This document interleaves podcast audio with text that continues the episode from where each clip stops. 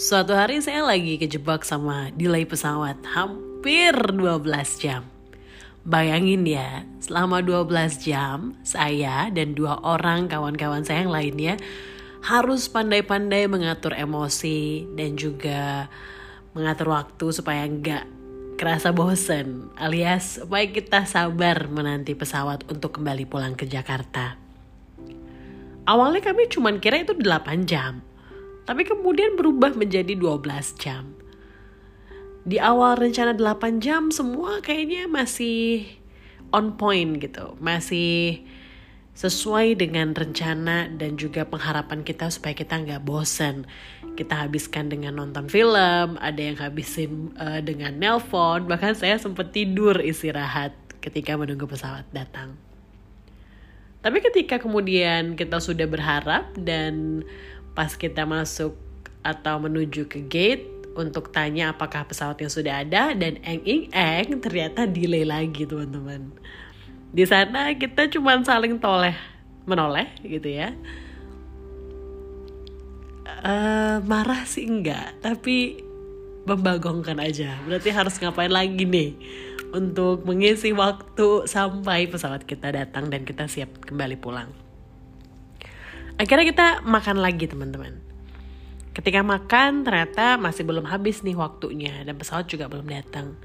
Akhirnya kami bertiga kembali duduk.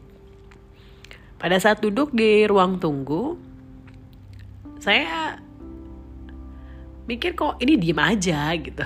Nggak ngobrol malah main HP mungkin waktu itu ya. Sampai akhirnya saya mengeluarkan satu pertanyaan yang Sebenarnya itu adalah pertanyaan reflektif yang sering banget saya tanyakan ke diri saya sendiri. Saya nanya sama mereka, apa kira-kira cita-cita mereka dalam kehidupan? Dan kalau misalnya nanti mereka seumuran saya, sekitar 30 tahun, berapa pendapatan yang kira-kira membuat mereka bahagia? Dan juga kehidupan seperti apa yang kemudian mereka bayangkan akan didapatkan di usia 30 tahun. Salah satu kawan saya, mungkin bukan salah satu, tapi dua-duanya malah, menjawab sejumlah nilai menurut saya itu sangat masuk akal. Karena melihat gimana kita harus survive di Jakarta. Kemudian ada juga yang menceritakan bahwa mereka pengen punya pekerjaan yang stabil ada juga yang membayangkan sudah punya propertinya sendiri. Yang saya banggakan, semua cita-cita mereka itu bagus-bagus banget.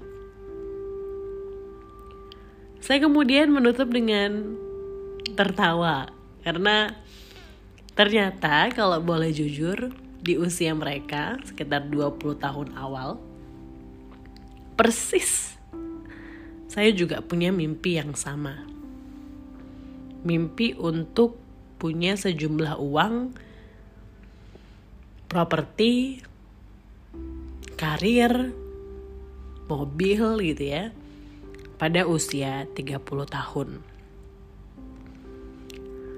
Kemudian saya cuman diem, gak melanjutkan percakapan. Sembari melihat kalau saya bisa ngobrol sama diri saya umur 20 tahunan waktu itu, saya bakal ngomong apa ya? Saya bakal bilang mungkin selamat gitu karena kamu sudah cukup bekerja keras untuk mendapatkan semua yang kamu mimpikan. Tapi ternyata masih sepi ya. Masih belum fulfill istilah anak zaman sekarang. Sampai akhirnya di tengah-tengah saya lagi merenung, saya kemudian ditanya balik sama teman-teman saya. Mbak Sasti, menurut Mbak Sasti, bahagia di kepala Mbak Sasi itu apa gitu. Kemudian saya ketawa. Saya bilang sama mereka bahwa saya pernah memimpikan bahagia itu dengan sejumlah uang pada saat yang dulu. Sampai akhirnya saya mendapatkan sejumlah uang yang saya mimpi-mimpikan tapi saya juga toh nggak bahagia pada saat itu. Saya mimpi punya kendaraan saya sendiri. Saya pikir saya akan bahagia setelah itu. tapi ternyata tuh enggak gitu ketika saya punya properti saya sendiri pun juga nggak segitu bahagianya lebih ke arah bersyukur tapi kalau boleh ditanya pada saat itu yang saya bilang adalah saya mau punya hidup yang damai